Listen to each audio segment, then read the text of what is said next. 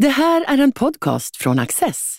Du hittar fler av våra program på access.se och på Youtube. Mycket nöje! Vilken rätt har Facebook till sina döda användares data? Karl Öhman har disputerat vid Oxfords universitet med en avhandling som undersöker de etiska och politiska utmaningarna med mänskliga kvarlevor på nätet. Karl Öhman, välkommen hit. Tack så mycket. Du studerar digitala spår på nätet, ett ämne som verkligen ligger i tiden. Hur hittade du till det här forskningsämnet? Det började egentligen som en, eh, en rent filosofiskt grubbleri om eh, vad relationen mellan den data som vi lämnar efter oss på nätet och oss själva är egentligen.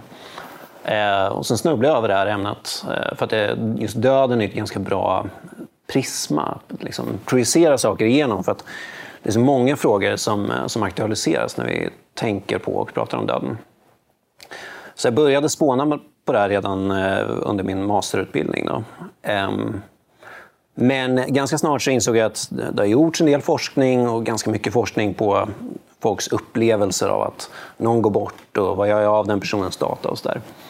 Ehm, så det, det jag kände att jag kunde bidra med, det som jag kom från sociologin då innan, från min, min kandidat, så det jag kände att jag hade med mig som jag kunde bidra med, det var kanske mer det här samhällsperspektivet, makroperspektivet. Eh, och typ den politiska ekonomin och sånt där. Eh, så att jag började titta på hela ämnet som en ekonomisk och sociologisk fråga snarare än en, en fråga för eh, bara individer och eh, den, den känslomässiga aspekten av fenomenet. Då. Så det var så jag hittade in i min vinkel kan man säga. För det roliga är när man läser om det du sysslar med, man reagerar ju väldigt snabbt personligt och på individnivå. Men eh, vill du förklara hur du menar med makroperspektiv på döden på nätet? Ja, jag brukar förklara det lite så som att eh, de flesta kan identifiera sig med att eh, ja, men, någon närstående kanske går bort och eh, så måste man ta hand om den här personens digitala kvarlevor, kanske ett Facebook-konto eller något som man har skrivit på Twitter eller alla ens mejl och sånt där. Och det kan ju både vara alltså, praktiskt svårt, alltså vad, vad gör jag, hur gör jag, hur kommer jag åt det här? Men det kan också vara svåra etiska dilemman. Alltså, vilken data har jag rätt till att få tillgång till? Och, eh, har, de, har de döda ett privatliv, så att säga? Och det är någonting som ja, nästan alla jag presenterar mitt forskningsämne för, de har åsikter om det här. Liksom. Eh, jo, så här borde det gå till och familjen har all rätt och så där. Så det är ett väldigt känsloladdat ämne. Ehm, men, men det jag har försökt göra är väl att kanske eh, zooma ut och se liksom, ja, men de här känslorna eh, och, och de här olika etiska aspekterna, de de florerar ju, eller de existerar inom vissa system. Alltså vissa ägandeskapssystem, vissa juridiska system och ekonomiska system. Um, och där börjar de, de etiska frågorna som först kanske för individen framstår som någonting som bara har att göra med mig.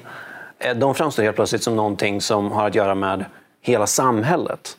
Så att typ vad som händer med min Facebook-profil när jag dör det framstår för mig och min familj som något väldigt privat och personligt. Men om man ställer, istället ställer frågan eh, vad gör vi av de 2,7 miljarder användare som finns på Facebook nu när de dör? Då helt plötsligt tänker vi att ja, men det här har inte bara med mig att göra utan det här har kanske också med folk som kommer leva om, om 50 eller om 100 år. Det här har med deras liksom, historiska eh, information att, att göra också. Eh, så jag försöker liksom zooma ut och sätta de här personliga upplevelserna i, i deras eh, liksom, makroskopiska sammanhang, som jag kallar det för.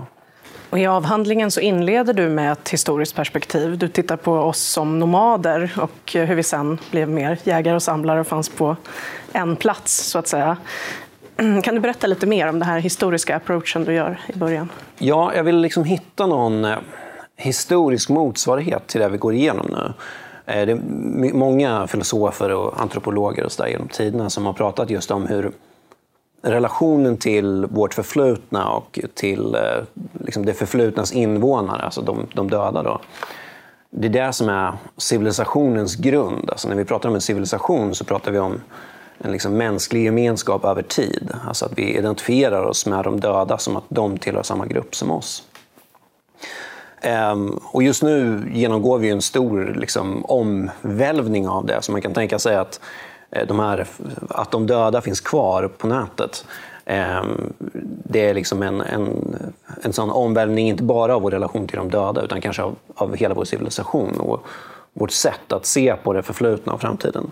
Så jag ville hitta någon, någon motsvarighet historiskt. Då. Och eh, precis som du nämner så är den här övergången från den nomadiska eran till att vi faktiskt har fasta, eh, permanenta bostäder. Det är just en, en, liknande process. Och det jag, det jag drar på där, eller det, det, den parallell som jag, som jag drar, är just att nomaderna kan ju egentligen bara lämna de döda i sanden och fortsätta gå. Och sen så finns de kvar i det biologiska minnet i, i kanske någon eh, generation. och så där. Men ganska snart så blir de döda anonyma och ganska frånvarande. Ehm, men de som har permanenta bosättningar, för dem så de kan ju inte gå bort från de döda, utan de döda ligger där och vi måste göra någonting med dem. Vi måste ta hand om deras kropp på något sätt. Så att eh, de, de första eh, liksom, bofasta eh, gemenskaperna eller kulturerna, de begravde faktiskt de döda under sina hus. Och Det finns också ganska många spår efter att man har alltså avlägsnat huvudet eh, och eh, tagit själva skallen och så har man gjort ett nytt ansikte av lera och satt in eh, snäckskal som, som ansikten. Och sen har man de här de dödas ansikten då i sitt boningshus. Så att de döda är ständigt närvarande bland de, de levande. Och jag gör jämförelsen att den här liksom samlevnaden med de döda, att vi idag med typ Facebook så är det inte de här dödskallarna på, på väggen som, som omger oss, utan det är snarare kanske de dödas ansikten på Facebook som tittar tillbaka på oss när vi öppnar våra telefoner.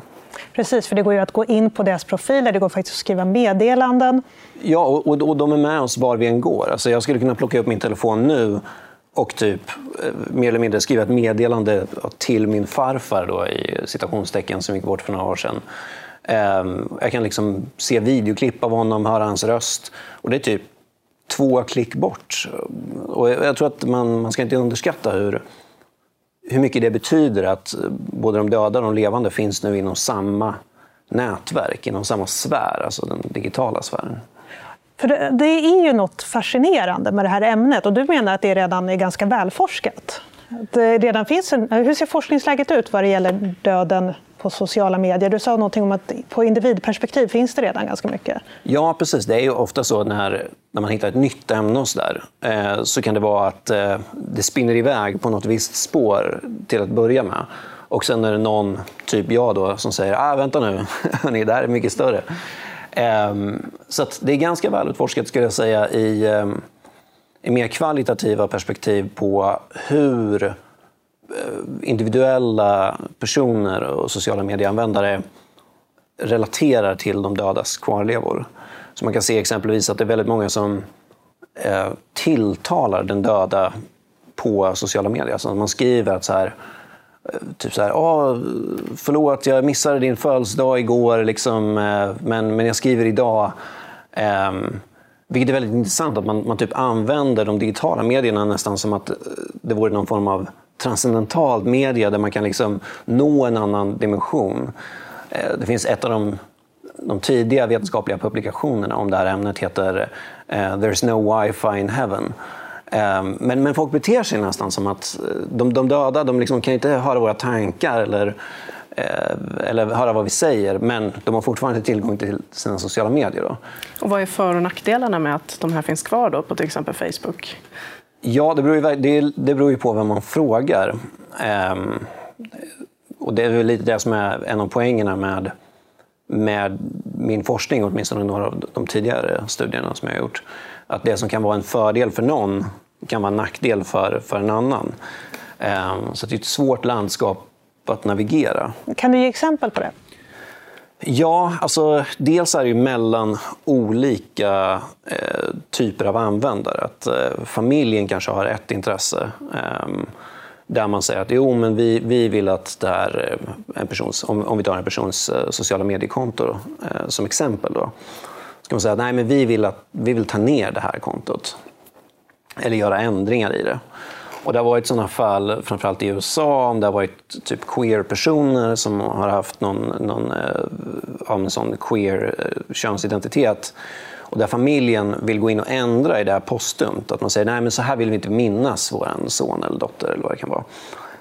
Ehm, men, sen, men den personen kanske har frigjort sig från sin familj och sina traditioner och har en helt annan gemenskap nu. Och där har det uppstått då konflikter där typ eh, umgängeskretsen har sagt nej, vänta nu. Ni har ingen rätt att gå in här och liksom bestämma. Familjen har ingen omedelbar moralisk eh, rättfärdighet här. Och samtidigt så måste vi komma ihåg att alltså, all den här datan ägs och finns på en server hos ett privat företag som vars huvudsakliga syfte är att tjäna pengar. Och just nu tror jag inte att det här fenomenet är så pass utbrett, alltså digitala kvarlevor, att det orsakar några omfattande ekonomiska problem. Men om ett par år då kommer vi ändå ha ett par hundratals miljoner eh, döda konton på Facebook exempelvis. Och Facebook lever ju på att sälja riktad marknadsföring. Men de döda är ju inga konsumenter. Så det är bara en, en jättestor mängd data som ligger där på servrarna utan att egentligen ha någon, någon kommersiell potential. Såvida man inte vill börja sälja typ eh, riktad eh, marknadsföring till de som då besöker de dödas konton, vilket ju också är etiskt problematiskt. Samtidigt så kanske vi har, framtida generationer som har vissa intressen av att jo, men vi vill ha en, en bred eh, liksom, eh, uppslag av, en, ett brett uppslag av information om tidigare generationer för att kunna göra forskning och så vidare. Men det intresset kanske går emot de dödas rätt till ett privatliv och kanske till Facebook intressen av att använda den här datan för eh, kommersiella syften. Så att hur man än gör blir det fel eller det är någon som blir missnöjd för att det är fullt av intressekonflikter. Och det är det som gör ämnet intressant, tycker jag. Du har ju framförallt tittat på Facebook. Hur har de juridiska villkoren kring just eh, profilen i efterlivet förändrats sedan starten 2004? Var det, va? Ja, alltså de juridiska villkoren har faktiskt inte ändrats jättemycket. Nu, min, min expertis ligger inte inom juridiken, ska först säga. Men utifrån vad jag känner till så är det juridiska landskapet ganska likartat. Facebook har gjort en massa nya funktioner som, eh, som ska ta hand om det här problemet. Då. Men om man tittar på exempel GDPR eh, som kom bara för några år sedan, som är alltså EUs dataskyddslagstiftning. Där hade man kunnat förvänta sig att man skulle försöka ta tag i det här problemet. Men det står alltså explicit att nej, vi helt utelämnar det här. Det här gäller bara för levande människor. Så att i de flesta europeiska länder så har död, de döda har alltså inga dataskyddsrättigheter överhuvudtaget. Utan det är i så fall då eh, copyright-rättigheter och sånt där till deras eh, barn och anhöriga på olika sätt. Men eh, ja, det, det, kommer nog att ske en, en, snabb juridisk utveckling, skulle jag tro, de närmaste åren. När du säger att de döda inte har några rättigheter, betyder det att eh, i princip så kan Facebook välja, eftersom de då äger det här, att då kan ju de välja att sälja den information, fortsätta sälja ja. den informationen? Och... Ja, med, den stora skillnaden att nu... Alltså Facebook kan ju inte sälja inf den informationen direkt. Alltså de kan sälja metainformation. Att säga typ så här, vi har så här, så här många användare som gillar baseball i den här staten. Typ. Men eh, de får inte gå och liksom säga ah, vill du ha information om den här personen? Vi har alla hennes privata meddelanden. Eh, för sådana datarättigheter, eller eh, integritetsrättigheter har ju vi som levande användare. Men när vi dör så förlorar vi de, eh, de rättigheterna eh, generellt. Um, och det är ju, alltså, jag tror att det skulle ju vara väldigt dålig goodwill för Facebook om de skulle börja utannonsera döda människors dataprofiler. Men det är ju en, en ganska, liksom, eh, ska man säga, det är inte en eh, långsökt, eh, ett, ett långsökt scenario att Facebook exempelvis skulle gå i konkurs. Ehm, och då är ju all den här datan, den kommer ju auktioneras ut. Eh, även vid levande eh, användares data. Men där finns det vissa skydd. Men eh, i princip är det alltså open game. Vem, typ Kina eller Ryssland kan gå in och säga vi, vi köper er, er data om era användare.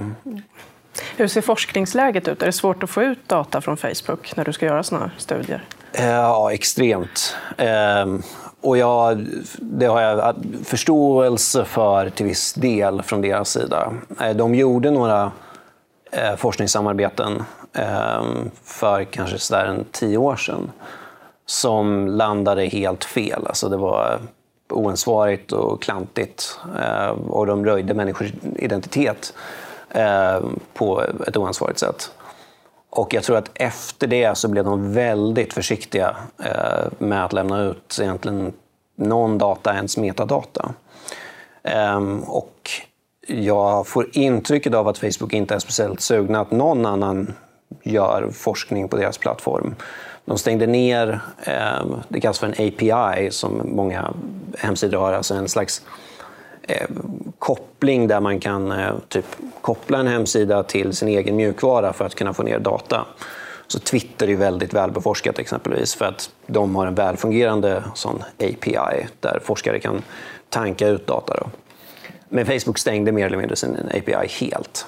Även när jag, jag gjorde en studie då för att räkna ut, eller försöka göra projektioner på hur många döda profiler kommer att Facebook att ha de, liksom, givet vissa eh, antaganden då, eh, under det 21 århundradet. Eh, och då, när vi, då gick vi in och helt enkelt tittade på eh, deras marknadsföringsdata. Hur många användare säger de att de har inom en viss geografisk eh, liksom region då, när de säljer eh, marknadsföring. Då. Ehm, och då skulle vi ladda ner den datan. Ehm, men ehm, ganska snart märkte vi att typ datan laddades ner och sen så avbröts det. Och då förstod vi snart att eh, det är Facebook som har lagt in den, så de vill inte att folk ska tanka ut den här datan. Trots att den ligger öppen för vem som helst. Ehm, så att, ja, de är ganska restriktiva med, med vad man kan få ut. Ja, kanske av goda skäl. Vad är the digital afterlife industry? Ja, det, där, det är ett begrepp som jag eh, myntade för sådär en, eh, fem år sedan eller något. Och hela min, min, min take där, som jag nämnde tidigare, så ville jag föra in det här typ politisk-ekonomiska perspektivet. Um, och det hade förts en, en diskussion om ja, men, vad händer med våra digitala kvarlevor och det här som forskarna kallar för digital afterlife. Och mitt bidrag där var väl ungefär att säga, hörni, hallå, eh, har ni inte tänkt på att all den här interaktionen sker ju på olika kommersiella plattformar. Och när jag började gräva i det så upptäckte jag att ja, men det är inte bara de sociala medierna utan det finns en hel uppsjö av företag som på olika sätt försöker att eh, kommersialisera eh, våra digitala kvarlevor. Och det kan antingen vara sådana saker som en, en, liksom, typ en digital minneslund, att folk gör såna här eh, minnessidor. Eh. Ja, som till exempel Fonus har, så här begravningsbyråer har ju sånt. Ja, ja det kan jag, jag känner inte till så mycket om det svenska perspektivet så, men, men det kan jag verkligen tänka mig att eh, det är stort inom begravningsindustrin. Eh, men det kan också vara mer såna här eh, högteknologiska grejer, som att det finns en del företag som säger att ja, men, ge oss all din data, liksom, tillgång till Facebook, och Twitter och Spotify och så här. Och sen gör vi en, eh, en, liksom en avatar, en chatbot som, eh, som dina släktingar sen kan komma in och, eh, och chatta med dig, då, fast baserat på din data. Så man gör någon form av något digitalt spöke. Då. Så det finns en, en, stor bredd i hur anspråksfulla de här olika företagen är. Men jag var intresserad av Alltså, okay, vad innebär det att de, de här företagen vill ju i första hand tjäna pengar? Det är ju liksom syftet med att driva ett företag. Så att om man tänker på de här eh, avatarerna exempelvis. Eh, där kan man ju tänka sig att man kan skriva eller utforma sina algoritmer på en massa olika sätt så att eh, man kan skapa en viss bild av den döda. Och där ställer väl jag frågor att liksom, ja, men, vilken bild är det som, som framträder av den, den döda som sån digitalt spöke eller avatar? Um, är det liksom en mer realistisk bild? Eller är det snarare kanske någon form av maximerad, lite trevligare, lite bättre, lite liksom eh, härligare person som kommer att, eh, eh, liksom, som kommer att bli produkten där? Då? Eh, och mitt argument är att ja, alltså oavsett hur eh, godhjärtade de som jobbar inom den här industrin är, så är det ju så att ja, men, marknaden har sin gång. Så att det konsumenterna vill ha, så som konsumenterna vill minnas eh, sina efterlevande, det är det företaget som kommer att vinna till slut. Och eh, mitt argument här var väl att eh, hörni, hallå, det, fin det, finns fler olika typer av värden här involverade än bara ekonomiska marknadsvärden. Men det kanske nästan kan väga upp att vi lämnar ganska negativa spår. Som att man skriver saker i sin dagbok som kanske är för att avreagera sig och så är det det folk läser. Då kanske man behöver den här positiva ja, ja. bilden. Men vad gör det med vår existentiella, existentiella ångest, skulle du säga? Ja, det är en bra fråga. Um, jag själv personligen är ganska oberörd. Jag har liksom ingen det, det, förändrar ingenting för mig att det, man kan göra någon form av matematisk uträkning av vad jag skulle ha sagt om jag hade levt eh, baserat på min data och så vidare. Däremot så ställer det vissa frågor alltså om, om vad, det är att, eh, vad det är att vara som, som människa. Och med risk för att bli väldigt eh, abstrakt och filosofiskt då, så i, framförallt under 1900-talets eh, och 1800-talets filosofiska utveckling så har man liksom satt att vara som människa har varit eh, snarare en, en, en, upplevelse. Jag upplever hur det är att vara människa. Det är det som skiljer att vara människa från något annat djur eller vad det nu kan vara. Men jag tycker åtminstone att det blir allt mer tydligt i den digitala tidsåldern att det finns fler sätt att vara som människa eh, än just som en liksom medveten eh, organism av kött och blod. Eh, så att varat på sociala medier, eller liksom det digitala varat, det är också en typ av vara som har ett, eh, vad ska man säga, ett eh, legitima moraliska anspråk. Och vad jag menar med det är alltså att det har funnits en lång debatt inom filosofin med kan man liksom skada de döda? Har de döda några moraliska rättigheter? eller är det relevant överhuvudtaget att prata om eh, moraliska rättigheter? För att de döda kan ju inte uppleva någon skada. Och där har väl jag anslutit mig till, eh, till den skolan som säger att jo, men det finns både liksom tillstånd som kan vara skadliga, alltså smärta exempelvis. Och det är ju inte relevant när vi pratar om de döda. Men det finns också det som man kallar för facts of harm, alltså inte ett tillstånd utan snarare kanske ett faktum. Och då ska man kunna säga att, att bli förrådd eller att bli förlöjligad. Det är sådana negativa faktum som vi kan säga att det är sämre att vara förnedrad än att inte vara det. Men jag behöver inte känna till att jag är förnedrad eller att, jag har blivit, eh, liksom, att min värdighet har kränkts. Um, så länge liksom, det finns ett relevant vara att tala om. Då. Och det här menar jag att det här blir superrelevant när det kommer till vårt, vårt digitala vara och liksom den digitala existensen. Att eh, Vi finns till efter att våra biologiska kroppar har dött. Vi finns inte till som, som liksom själar eller som, som medvetanden. Men vi kan likväl finnas till som personer. Och de personerna har fortfarande vissa etiska rättigheter, då, som exempelvis att inte bli förlöjligade eller förnedrade. På och du säger också att en civilisation blir vi först när vi, när vi tar hand om våra döda. Mm. Så att det måste ju hänga ihop på något sätt, att vi behöver behandla våra döda med värdighet och respekt för att vara civiliserade människor.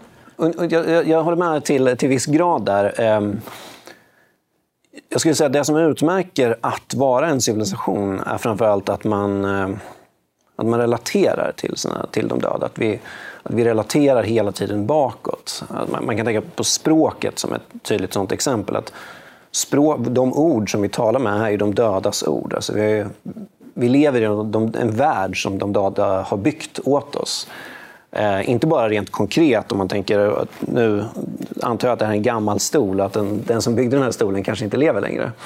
Så jag, och även det här huset som vi sitter i har lämnats till oss från de döda.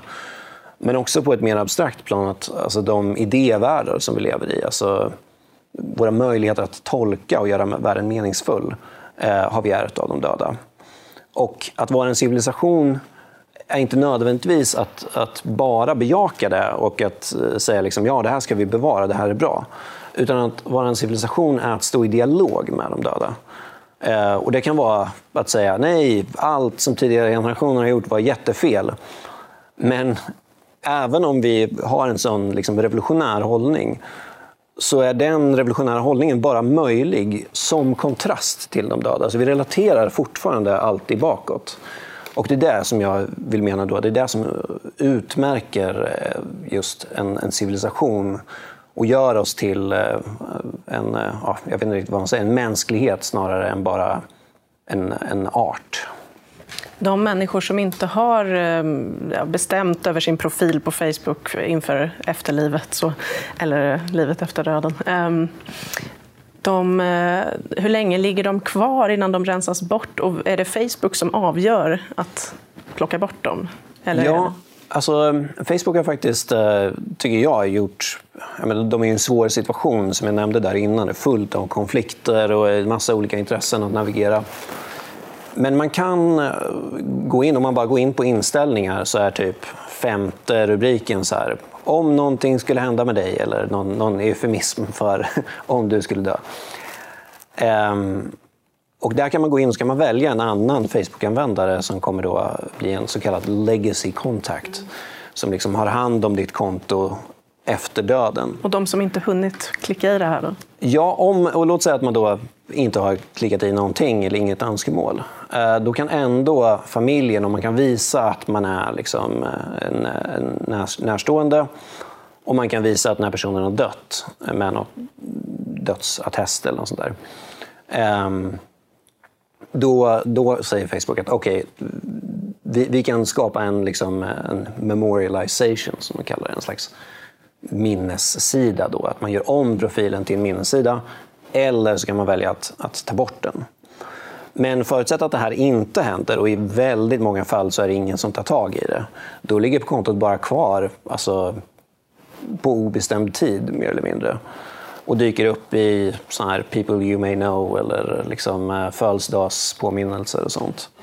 Nu säger Facebook att de har en, en algoritm som ska eh, märka av vilka som är döda. Jag är inte helt säker på hur den algoritmen ska fungera. Men det kanske är att om de ser att det är många som skriver på en profil så här, ja, liksom är ledsen för vad som hände eller saknar dig eller något så här. Då kanske man kan anta att den är död och, då kommer de inte att liksom lägga den så högt i flödet. eller vad man säger. Men principen är att det ligger kvar som vilket annat konto som helst och kommer inte att tas bort. Apropå digital afterlife industry, kommer det för framtidens människor bli lika självklart att skriva ett digitalt testamente som ett vanligt testamente? Ja, det är i allra högsta grad. Eh, jag, jag tror att de flesta jurister kommer att göra det till liksom en, en standarddel mer eller mindre av, av testamentet. För det, det, handlar inte bara om våra sociala medier, det ska vi komma ihåg. Det är liksom sociala medierna bara en del av det här. Vi har ju konton överallt. Vi har liksom eh, digitala bankkonton. Eh. Google spårar var du befinner ja, dig, vad du köper, vilka du pratar med. Det... Varenda klick som du har gjort finns sparat någonstans. Eh, på alla appar, på alla liksom, eh, hemsidor och sådär. Eh, så att det, det, finns väldigt mycket att eh, börja jobba med, och in, inte minst i fråga om liksom, den ekonomiska sidan. Alltså att vi har digitala tillgångar. Eh, typ ett iTunes-konto kanske med jättemycket material på. Ja, vem, vem ärver det, så att säga? Är det personligt? Eller, ja, väldigt svåra juridiska frågor där. Du verkar ändå kunna distansera dig ganska bra från det här moraliskt, etiskt väldigt svåra ämnet som du ändå håller på med. Men vad har varit svårast med din forskning?